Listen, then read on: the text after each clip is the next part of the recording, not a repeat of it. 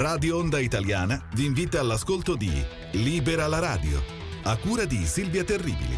Informazione, musica e cultura italiana.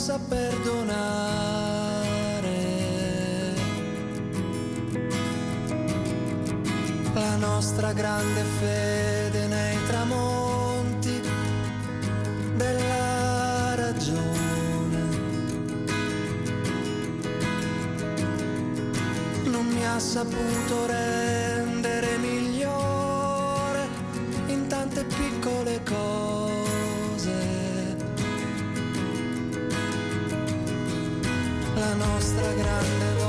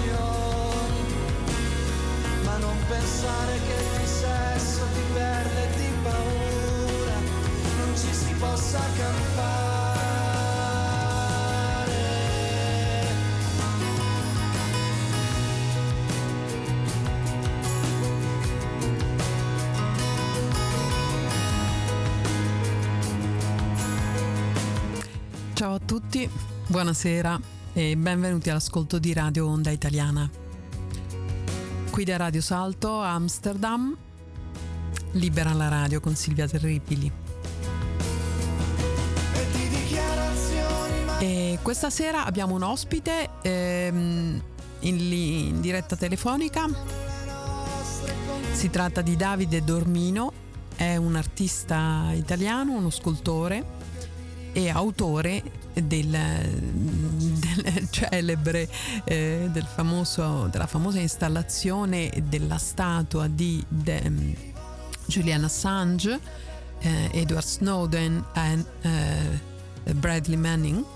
È un'installazione che lui ha portato un po' in giro, ha creato quindi queste statue di bronzo e poi le ha portate in giro per l'Europa in diverse città eh, realizzando uno, una una specie di flash mob, diciamo, una specie di evento eh, veramente molto bello, molto interessante. E naturalmente il tema è, è scottante perché c'è Julian Assange con tutto quello che Julian Assange e il suo coraggio e la sua, eh, la sua via crucis che ormai dura da, da tanti anni eh, porta avanti proprio a causa della eh, della volontà di, eh, di, infrangere il silenzio, di far sapere al mondo quello che sta succedendo succedendo, soprattutto parlare dei danni collaterali, ecco, quei danni collaterali di cui non si parla, di cui nessuno vuole parlare. Julian Assange dà sicuramente eh, fastidio all'establishment.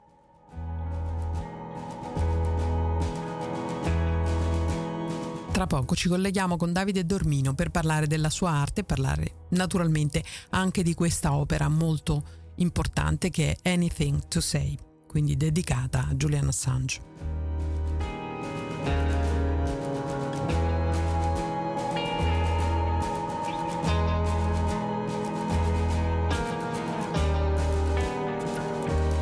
Questi sono gli Amorfù in Filemone e Bauci e ora vi faccio ascoltare di Martino Non siamo gli alberi.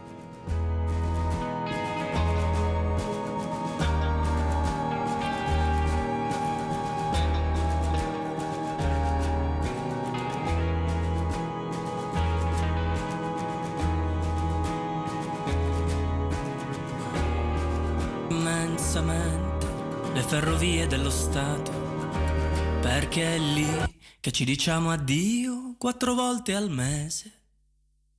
E le tue scarpe rosse da sedicenne alcolizzato che inciampano nelle valigie e nei biglietti troppo cari. Ah, sarebbe bello non lasciarsi mai, ma abbandonarsi ogni tanto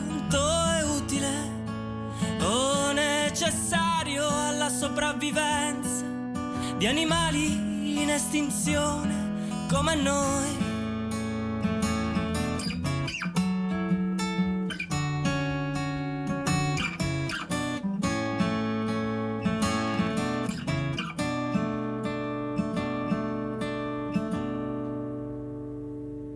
Io odio immensamente i giardini t'ho visto scegliere per la prima volta. Tra le statue e le panchine di un inverno educato, c'era solo una ragazza con la giacca di sua madre. Sarebbe bello non lasciarsi mai, ma abbandonarsi ogni tanto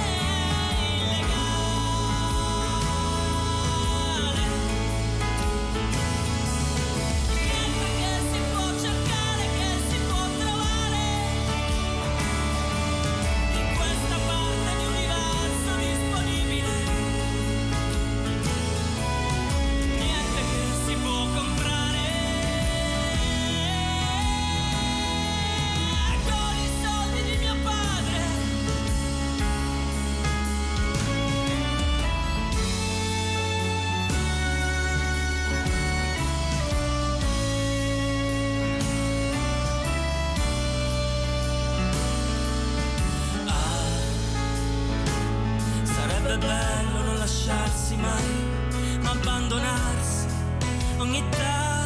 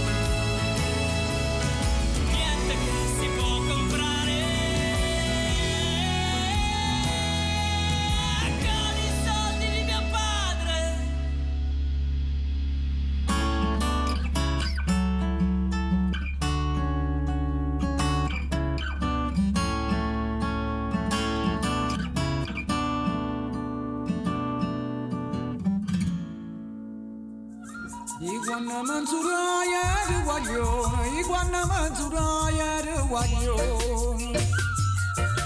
Wego mere Saburi de Wego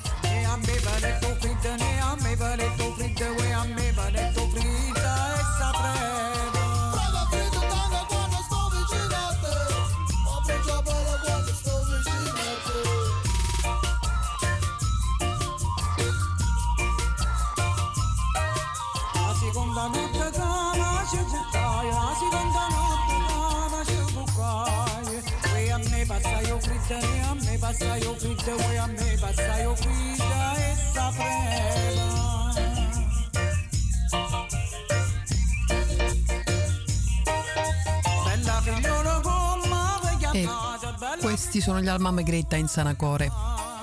E prima avevamo ascoltato Di Martino in Non siamo gli alberi.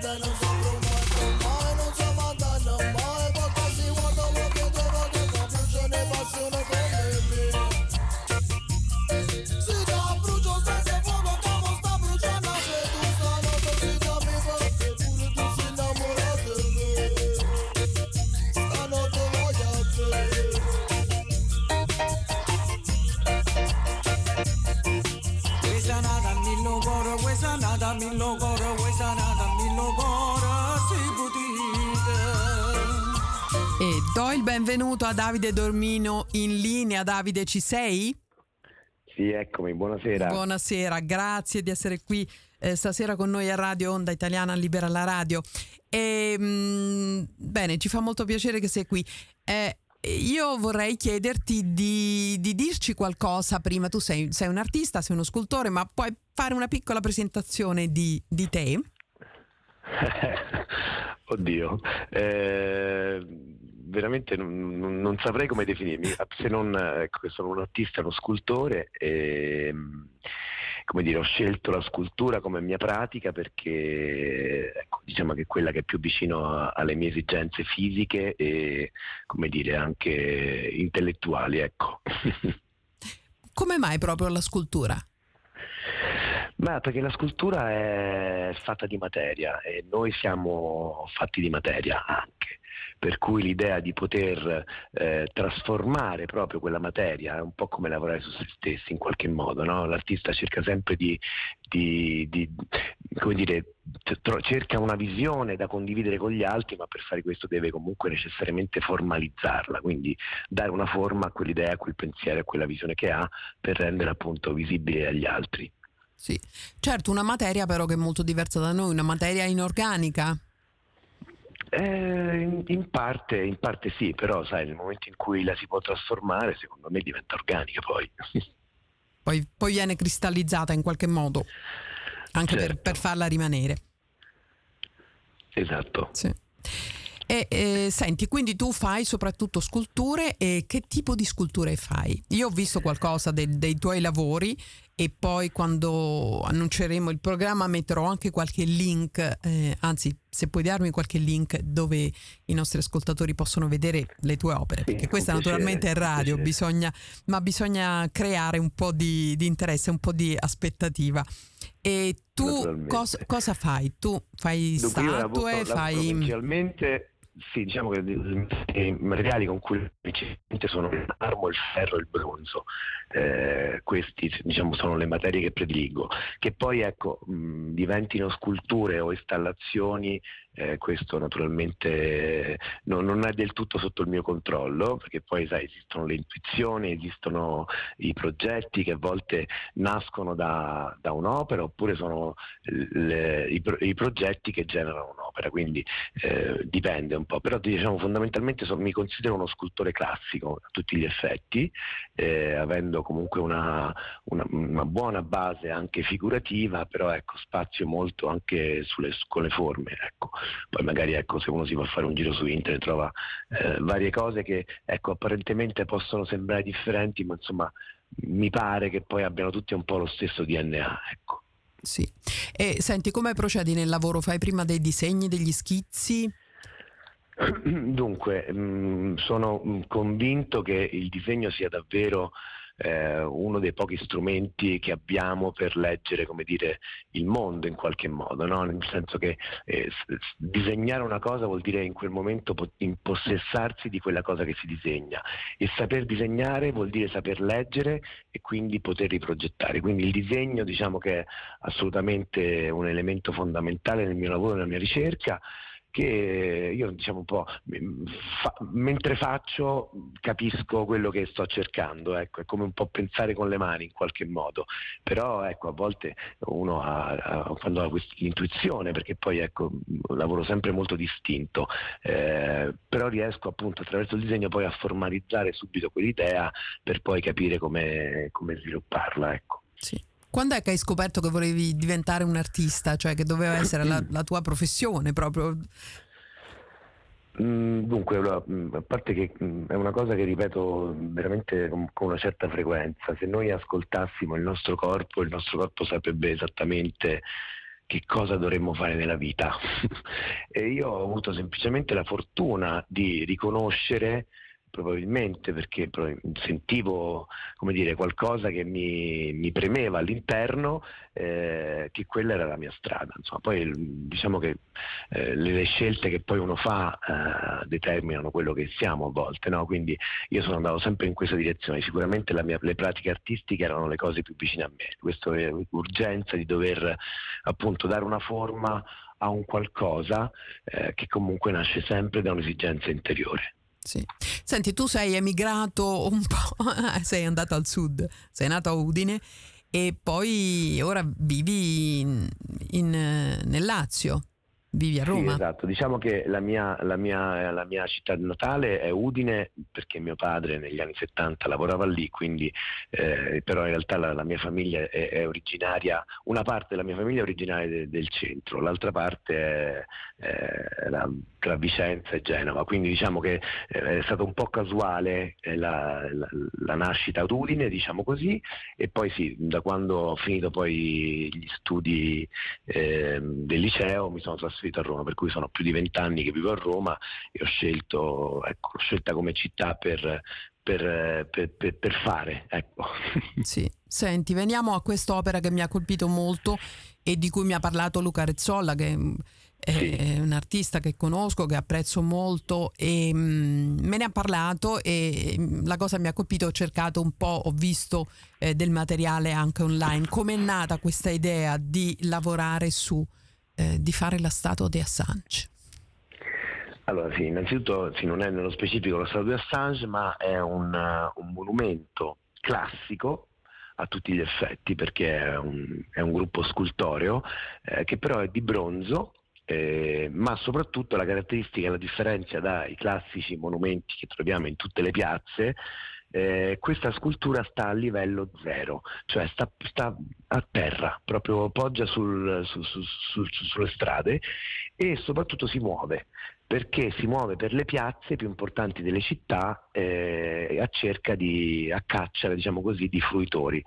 Perché a caccia? Perché è un'opera che diciamo, nasce eh, a, a, difesa della libertà di espressione, ecco, che è una tematica universale che ci riguarda tutti e, e quotidianamente.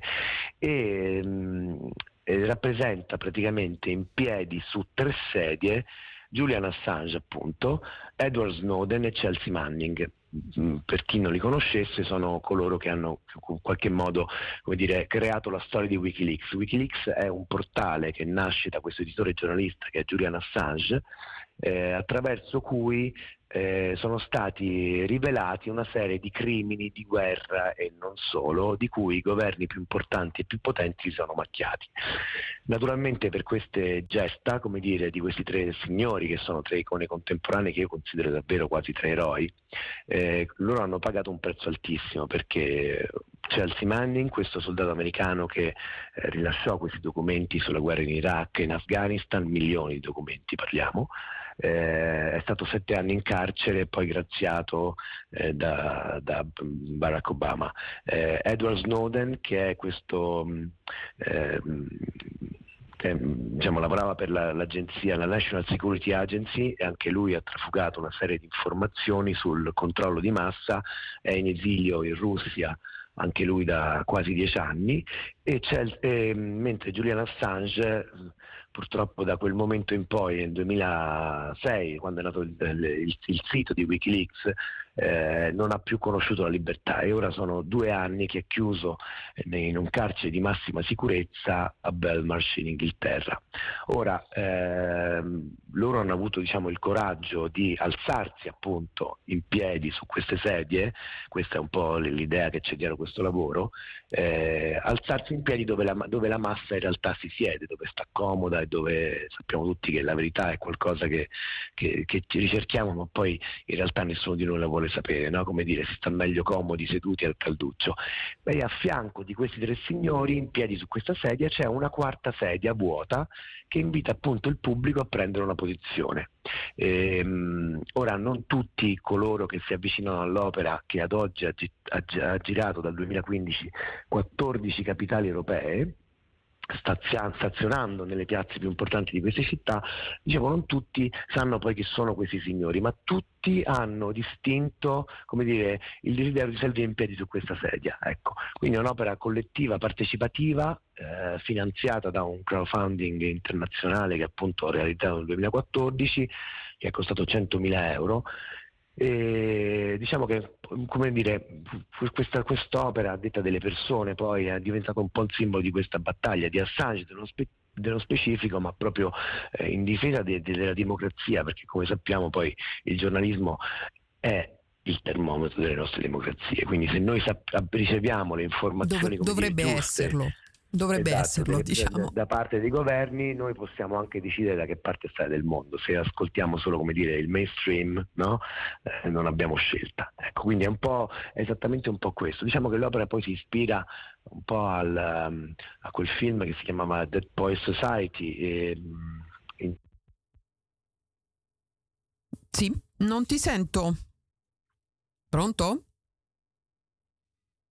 Abbiamo perso Davide, ora cerco di, di ricollegarmi con lui.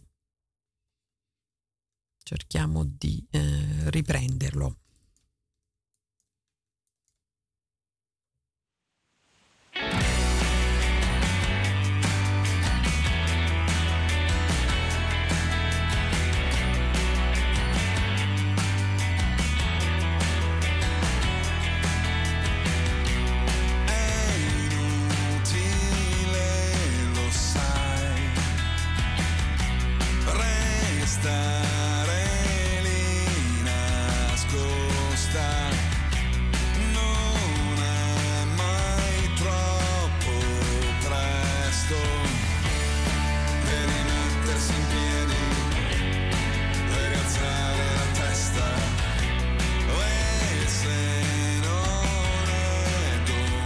Ti abbiamo riacciuffato.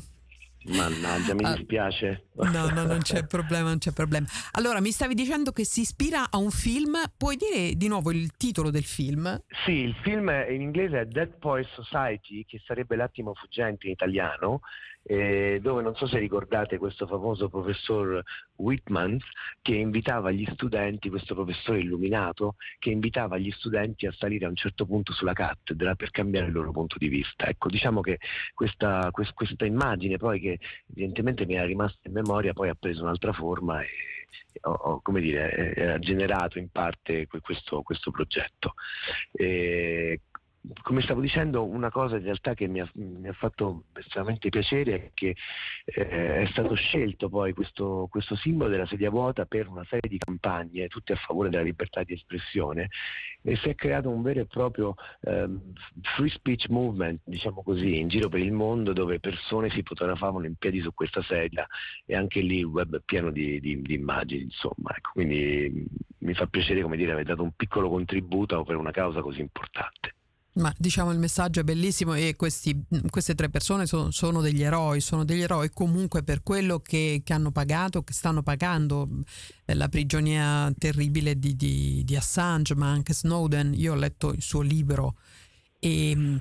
Quello, sì, quindi mm, so che cosa. Gli effetti, insomma, come, come, saprai allora. Sì, sì, e lo stesso Manning che forse vabbè è stato poi graziato, ma comunque anche lui eh, ha sofferto moltissimo e, e diciamo danno una testimonianza importante. E questo succede oggi. Ehm, Ah, questo volevo chiederti, sei stato quindi quest'opera eh, ha viaggiato in 14 paesi, anche in Europa? Soprattutto in Europa devo dire, mm. anzi quasi esclusivamente in Europa perché poi in America come dire non è così facile arrivare per una serie sì. di motivi che puoi ben immaginare insomma. Sì. E, um, in Olanda? In Olanda avevamo attraverso appunto Luca Rezzolla, eh, caro amico insomma, con il quale appunto quest'opera ci ha, in qualche modo messo in contatto, abbiamo provato eh, diversi, un po' di anni fa a, a, portare l'opera lì, però all'epoca non c'erano molti gruppi diciamo così eh, in sostegno di Assange, sai poi servono sempre delle organizzazioni o delle comunità appunto che, di attivisti a volte, ma altre volte sono mm. addirittura i governi che mi chiamano, e questo è anche paradossale, no? gruppi politici e via dicendo. E, ehm, avevamo provato, ma appunto non era fortunatamente... Beh, un grande merito giusto. per questi eh, governi che ti chiamano comunque, eh? diciamo che eh, sì, sono molto sì, coraggiosi. Dire, non so se sì, oggi certo. succederebbe ancora, forse un po' di anni fa. Beh, comunque accade, a parte, a parte adesso come dire, queste restrizioni dovute purtroppo a questo maledetto Covid che hanno, ci hanno un po' bloccato, però comunque ci siamo sempre, ci siamo sempre mossi, ecco. cioè, nel senso veramente sono sette anni, otto anni che quest'opera gira e non si ferma. Capito? Poi naturalmente l'organizzazione è un po' complessa perché fare un'opera che pesa una tonnellata, trovare i permessi per le piazze, insomma organizzare un evento non è sempre facile, però fino adesso devo dire che insomma, le cose sono andate molto bene. Ecco. Sì, infatti Luca me ne, me ne aveva parlato eh, con molto entusiasmo, però mh, mm, dal, mm, da quello che mi raccontava lui sembrava che l'Olanda non avesse poi tutta questa... Cioè, eh, eh Assange significa che praticamente il, il potere viene messo, eh, cioè viene, si, si, vengono, si rivelano tutti i lati oscuri, tu, tutti i lati peggiori eh, del potere dietro la facciata e questo non dà, eh, questo dà molto fastidio. Naturalmente, allora ecco che a volte l'arte ci corre in soccorso e diventa veramente un'arma per difenderci. Eh, io credo davvero che eh, ci sono dei fenomeni che mh, rimarrebbero nascosti senza, senza l'arte, l'arte contemporanea che ha la capacità attraverso gli artisti di leggere proprio lo spirito del tempo no? in qualche modo. E, e, in... Eh, ho perso la, le tue ultime frasi. Aia, eh, aia. Eh, ci aiuta a leggere lo spirito del tempo, dicevi? Sì, dicevo, c'è l'unione dello spirito del tempo e, e, ecco fatto che poi nel momento in cui tu, tu, dire, hai la possibilità di mettere un'opera in una piazza, quella comunque diventa un atto politico a tutti gli effetti, no? E quindi insomma, ecco, ci sono adesso gli artisti che sono definiti, alcuni artisti che sono definiti artivisti, eh, perché appunto attraverso il loro lavoro che è politico eh, sono tra gli attivisti e gli artisti, insomma, ecco, questo è un altro aspetto, come dire che io devo dire ho sempre considerato gli artisti in genere veramente delle cellule staminali eh, in grado di rigenerare, se vogliamo, i tessuti eh, sociali, urbani, perché a volte l'arte arriva dove, dove, la politica invece si ferma, ecco. quindi a volte servono proprio gli artisti a, a rivelare, a rivelare dire, quello che viviamo. Ecco. Sì.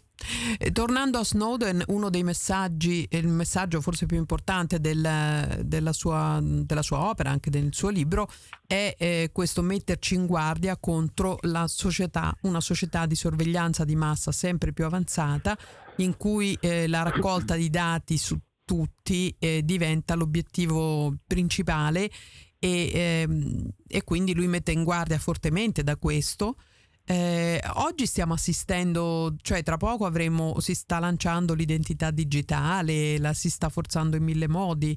Eh, l'attualità di, di, Snowden è più, più attuale che mai, direi. Beh, direi sì, mi immagino che questo processo diciamo, di digitalizzazione sia già in atto da diverso tempo, ora poi magari ecco, con, con, l'emergenza Covid certe cose si sono velocizzate, adesso al di là di come uno possa pensarla, sicuramente ehm, eh, come dire, gruppi di i potenti il deep state ci ha già pensato da, da tempo. Ecco. Eh, sicuramente stiamo andando in una direzione ehm, che a me francamente non piace molto, devo dire con molta sincerità. Eh, mi auguro che questo piano non si, attui, non si attui fino in fondo perché magari finché ci saranno persone persone come loro che ci metteranno in guardia da quello che sta accadendo, magari qualcuno possa in qualche modo risvegliarsi. No? Eh, è, un, è un, un, momento tremendamente difficile per tutti. Eh, tra il Green Pass, almeno qua in Italia, insomma, eh, di cui la gente sta diventando schiave. Purtroppo le persone stanno accettando questo proprio come normalità, capito? Quindi il risveglio dell'opinione pubblica diventa fondamentale. Sembra che si eh, si, si, trascuri un po' il rischio di questa, dell'introduzione di questa identità digitale che dovrebbe somigliare un po' al credito sociale cinese, praticamente non la eh, stessa non, cosa. A tutti, a tutti, gli effetti perché si dice che forse riceveremo questa famosa carta di credito eh, in carbonio, eh, di cui non ricordo il nome, eh, che controllerà anche le nostre emissioni di CO2, quanti rifiuti come dire, eh, generiamo. E poi magari ecco, se non abbiamo pagato una tassa una multa e a quel punto questa cosa viene sospesa. Questo è un po' un disegno che, che, che ho letto in giro sulla, libera informazione e vari personaggi insomma, che cercano appunto di leggere eh, la nostra contemporaneità. Io non lo so che succederà francamente, però mh, la cosa mi spaventa perché è come se attraverso questo, questo fatto del, de, dell'ambiente in qualche modo eh, facciano passare altro. È, è, ovvio che chi ha un minimo di, di, di, dire, di, senso critico, perché ecco, questo è un elemento fondamentale, eh, su cui punto tantissimo, la costruzione di massa critica e di senso critico, perché senza quello siamo fregati. Quindi beh, è bene sempre sentire dire, più voci no? per farti una propria idea di quello che, che stiamo vivendo, perché appunto se, se siamo eh, infettati solo dal, dal, dal, mainstream, ecco quello diventa un virus veramente molto pericoloso. Eh, ma la cosa che preoccupa però, che so, poi soprattutto negli ambienti di, di sinistra progressisti, diciamo, eh, c'è quando si parla di questa idea anche del grande reset, ma che è poi la sorveglianza digitale, quella di cui parla certo. Snowden, di cui parla Harari, lo certo. dice proprio mm, chiarissimamente. Cioè a sinistra ci dicono no, ma questa è una bufala eh, inventata dalla, dai terrapiattisti, inventata dai trampisti, cioè eh, diciamo che a sinistra come si prova a dire ragazzi stiamo attenti perché l'avete letto Snowden, ecco, sta succedendo. E sì, a sinistra si viene solo... bollati di, di, di di terrapiattismo. solo per, per, la situazione diciamo, che vivo qua in Italia, la, la sinistra in Italia non c'è, è, è, diventata la democrazia cristiana, non so come dire.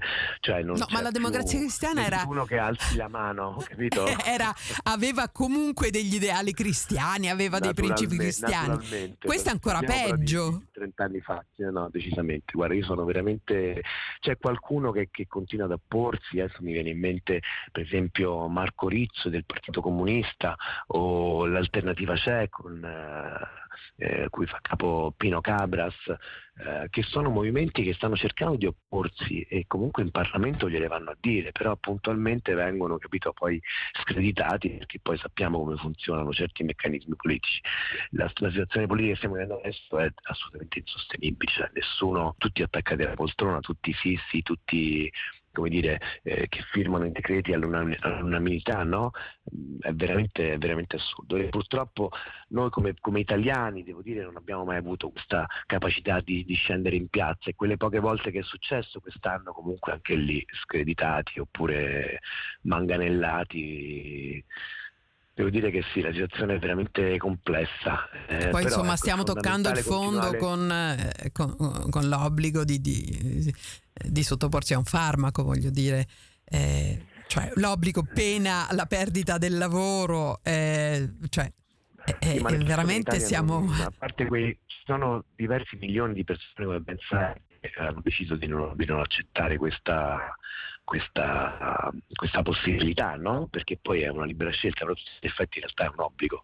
Eh, però io vedo che comunque, a parte appunto queste persone che hanno deciso coraggiosamente di mettere a repentaglio la, la loro vita e quindi le famiglie decidendo di non vaccinarsi, però dall'altra parte c'è tutto un gruppo di, di, un popolo italiano che in realtà non dice niente, capito? Anzi, non puoi proprio parlare, cioè non puoi neanche sollevare il dubbio. Ecco, a me questa cosa qui mi, no, mi fa. Non mi puoi sollevare il dubbio, no perché in quel momento tu stai mettendo in discussione il loro pensiero, il loro sentire e stai dicendo che in qualche modo che una cosa potrebbe anche non esistere e quindi ecco fatto che ti attaccano uno su tutta una serie di cose che però ecco sono, sono cose che continui a sentire in televisione da due anni, capito?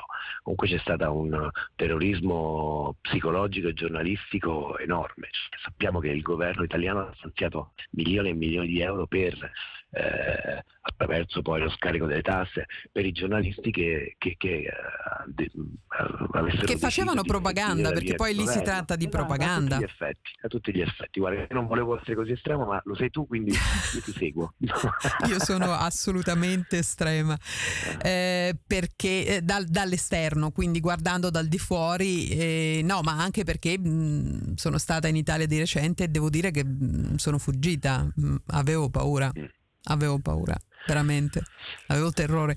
E, ehm, spero che questa che poi sia a sregolarsi almeno a sgretolarsi scusate almeno qua in Italia perché in altri paesi stanno cominciando ad allentare un po' tutto siamo veramente rimasti gli unici e non si capisce per quale motivo ecco. mm, sì in Italia c'è una malvagità che negli altri paesi non, non c'è e mh, mm, probabilmente perché ha anche a che fare col fatto che l'Italia forse viene considerata come un luogo dove si devono sperimentare eh, eh, questo tipo di politiche. L'Italia può essere interessante, è un paese grande con tanti abitanti, è, è un paese fortunato perché ha tutto. Siamo comunque sotto, sotto, schiaffo dell'america da sempre, voglio dire, per cui questa cosa qui, come dire, arrivano dall'alto in qualche modo. Sì.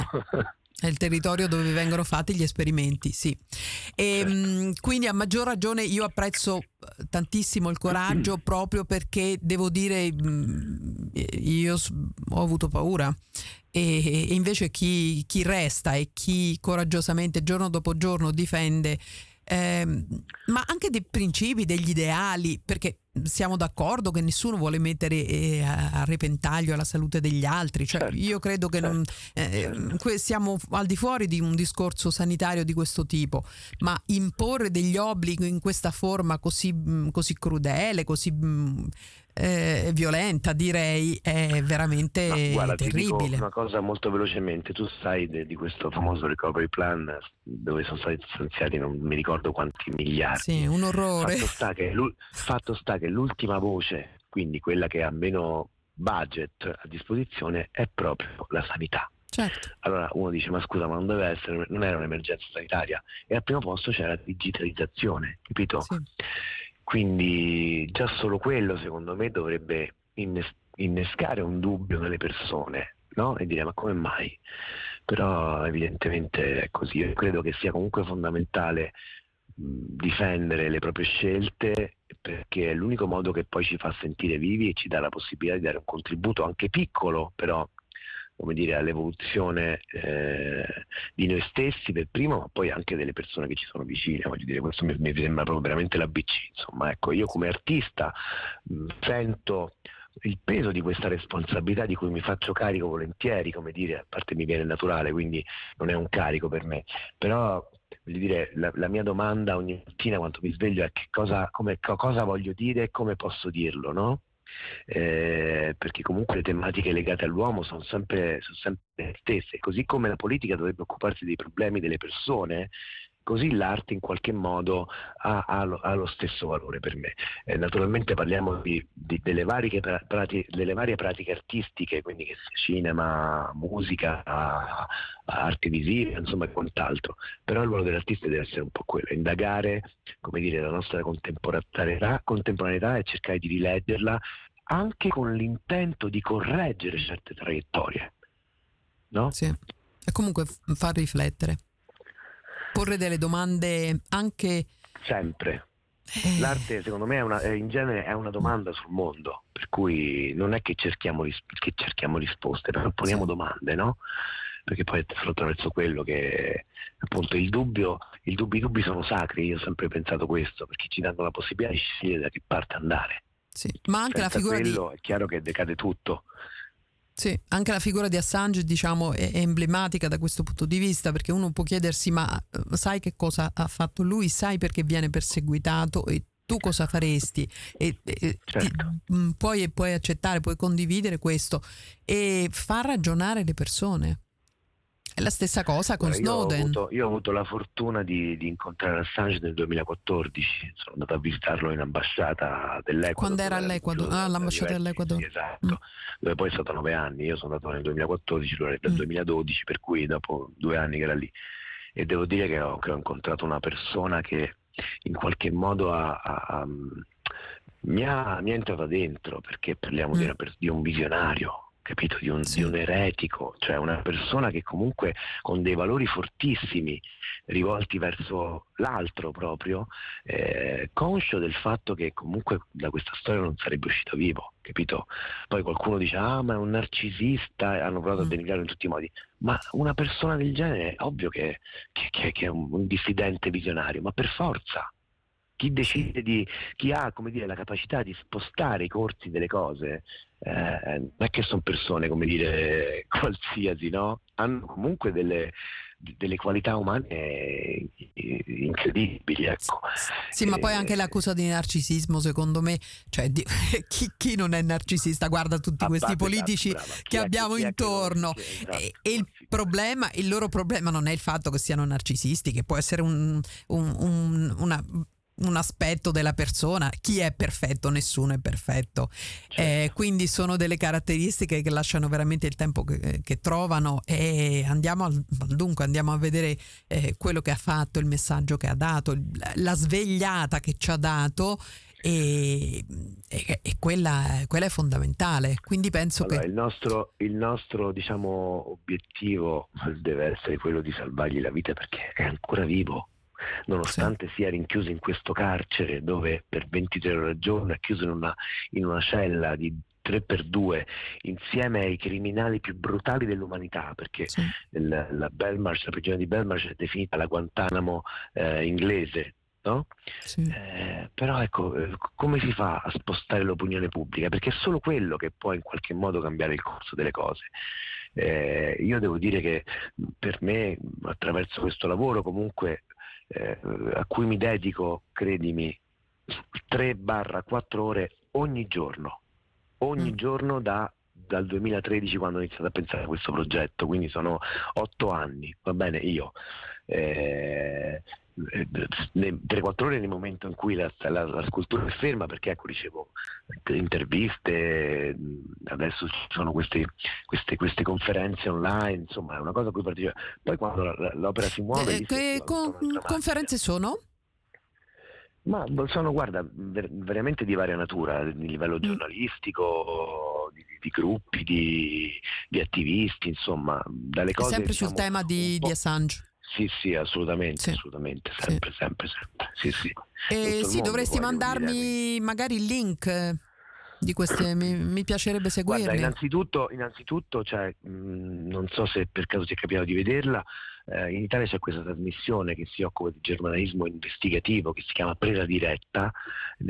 il conduttore è Riccardo Iacona che è un, un, giornalista straordinario che a settembre appunto per la, l'edizione nuova del 2021 di, di, di Presa Diretta ha fatto una puntata straordinaria su tutta la storia di Assange, che, Sì. trovi, eh, che si trova su- anche su YouTube, oltre che su RaiPlay, sia in versione italiana che in versione inglese, che è stata una puntata che ha avuto un share altissimo, Mm. eh, che corrispondeva a 1.500.000 spettatori.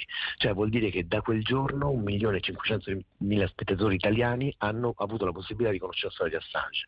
E devo dire che tra tutti i documentari che ho visto, eh, film e quant'altro, è veramente fatto in un modo straordinario. Eh, mi pare, non mi ricordo bene il titolo, però insomma basta cercare su Google eh, presa diretta Assange e esce fuori insomma questa puntata incredibile. E chi è che Questo lo che chi ha fatto questa chi è il La regista? Rai, l'autore? la Rai, La Rai. la Rai, capisci? La Rai. Cioè, questo è stato un segno incredibile, devo dire. Per cui è andato in onda proprio su, non mi ricordo se era Rai 3, mi pare, non ricordo adesso bene la... Però, insomma, ecco, lì c'è veramente la storia completa, perfetta, tra l'altro intervista- ha intervistato tutti i personaggi eh, di questa vicenda più importanti e io devo dire ho avuto come dire, l'onore di poter dare a Riccardo tutti questi contatti che ho, che ho incontrato in questi anni. Mm. e bellissimo, tra l'altro c'è anche un pezzo sulla statua naturalmente, però ecco, quella è sicuramente una- un, documentario secondo me da, da- da non perdere, ecco. Sì. Davide, ti ringrazio perché è stata una, una bella, una chiacchierata molto bella, mi ha, mi ha ispirato molto e devo dire che era, era un po', era un po' giù, però sentirti parlare, sentire mm, come, come parli delle- del tuo lavoro e soprattutto del messaggio che c'è dietro di, di grande umanità, e sinceramente mi ha, mi ha fatto molto piacere. Guarda, ti ringrazio, spero di non essere stato troppo autoreferenziale, devo dire che è una cosa che, che- che non, non- non tollero, però insomma nel momento in cui mi chiedi di parlare di un'opera naturalmente cerco di esprimere al meglio, con, con un certo distacco se possibile, eh, quello che insomma così ho, ho realizzato. ecco. Ma poi perché distacco? Se, mm, se si parla del proprio lavoro si, par- eh, si parla delle cose che, che si ama fare e soprattutto le si fanno con questo spirito, penso che sia soltanto bello ascoltarlo. Eh, ti ringrazio Davide e Bene. quindi seguirò i tuoi suggerimenti e andrò a cercare questi, questi documenti e poi magari mh, eh, verrò a vedere il tuo laboratorio quando, Con quando piacere, con piacere. tornerò Grazie in Italia, quando oserò bella tornare in Italia. Bene. Grazie, buona A serata. presto, grazie, Ciao, a tutti. ciao, ciao.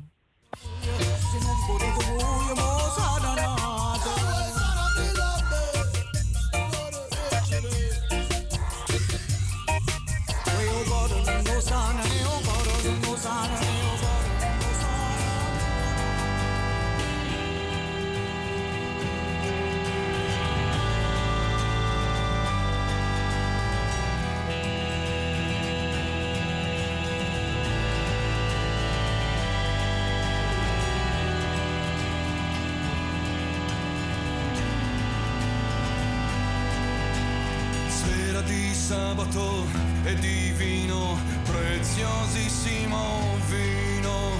Mani sul tavolino che strisciano e bussano, chiamano il seme di cuori e di fiori neri.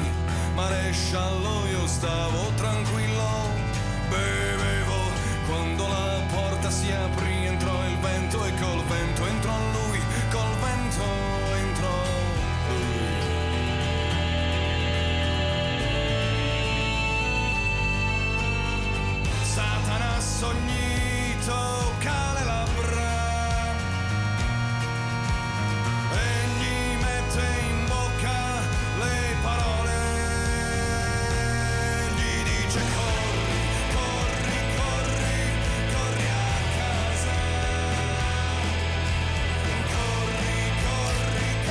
fatto una bella chiacchierata con eh, Davide Dormino, eh, scultore, eh, artista eh, italiano ehm, e abbiamo parlato soprattutto della sua opera dedicata a Julian Assange, Anything to Say, eh, tre sculture di bronzo che hanno girato per varie città europee per portare il messaggio di, eh, di coraggio, eh, di difesa della libertà di espressione, di difesa del giornalismo.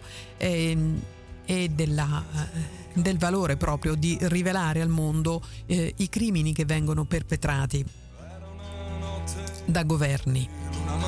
Vedo un'ombra che si allontana, maledetto il giorno che sono nato. E la speranza naturalmente è che eh, Julian Assange riesca eh, possa alla fine essere liberato perché eh, la, con- la condanna che sta subendo è assolutamente ingiusta, soltanto per avere eh, pubblicato dei documenti che, eh, che- che è giusto, che bisogna pubblicare, che bisogna far sapere al mondo.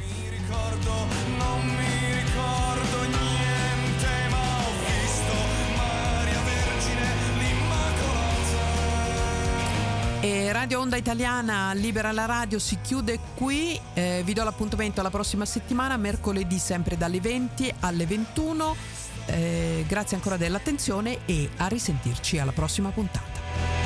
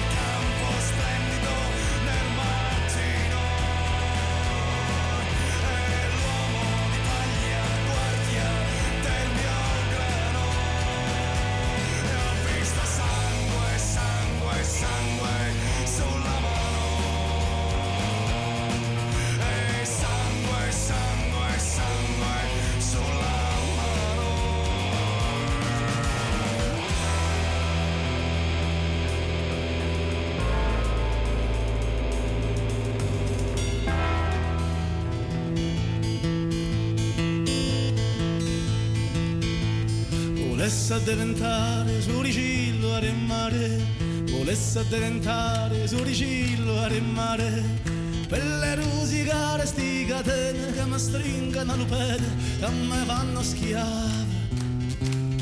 Per le rusicare sti catene che mi stringono le pene, che mi fanno schiave. Volesse diventare pesce spada in mare, volesse diventare pesce spada in mare, per poterli subito squartare tra lo fondo del mare, sti nemici nostri. Per poterli subito squartare tra lo fondo del mare, sti nemici nostri. Volesse diventare una palomma in mare, volesse diventare una palomma in mare, per poter libera volare e inguacchiare sti divisi a tutti i piemontesi. Poter libera volare e inguacchiare sti divisi a tutti i piemontesi. Volesse diventare nata monda in mare, volesse diventare nata monda in mare, per scettare tutta questa gente che non ha capito niente che ci sta a guardare. Scettare tutta questa gente che non ha capito niente che ci sta a guardare. Diventare una bandiera in mare, volesse diventare una bandiera in mare, per dare un colore a questa guerra che ci libera sta terra, poi ci fa morire. Per dare un colore a questa guerra che ci libera sta terra, poi ci fa morire. Volesse diventare un brigante del mare, volesse diventare un brigante del mare. Sulla la montagna scura che ci fa sempre paura fino a quando muore. Resta sulla la montagna scura che ci fa sempre paura.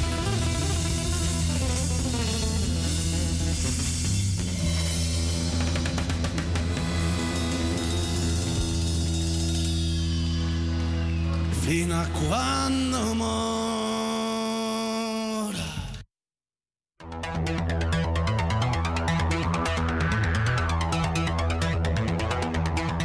Avete ascoltato Libera la radio, a cura di Silvia Terribili. Informazione, musica e cultura italiana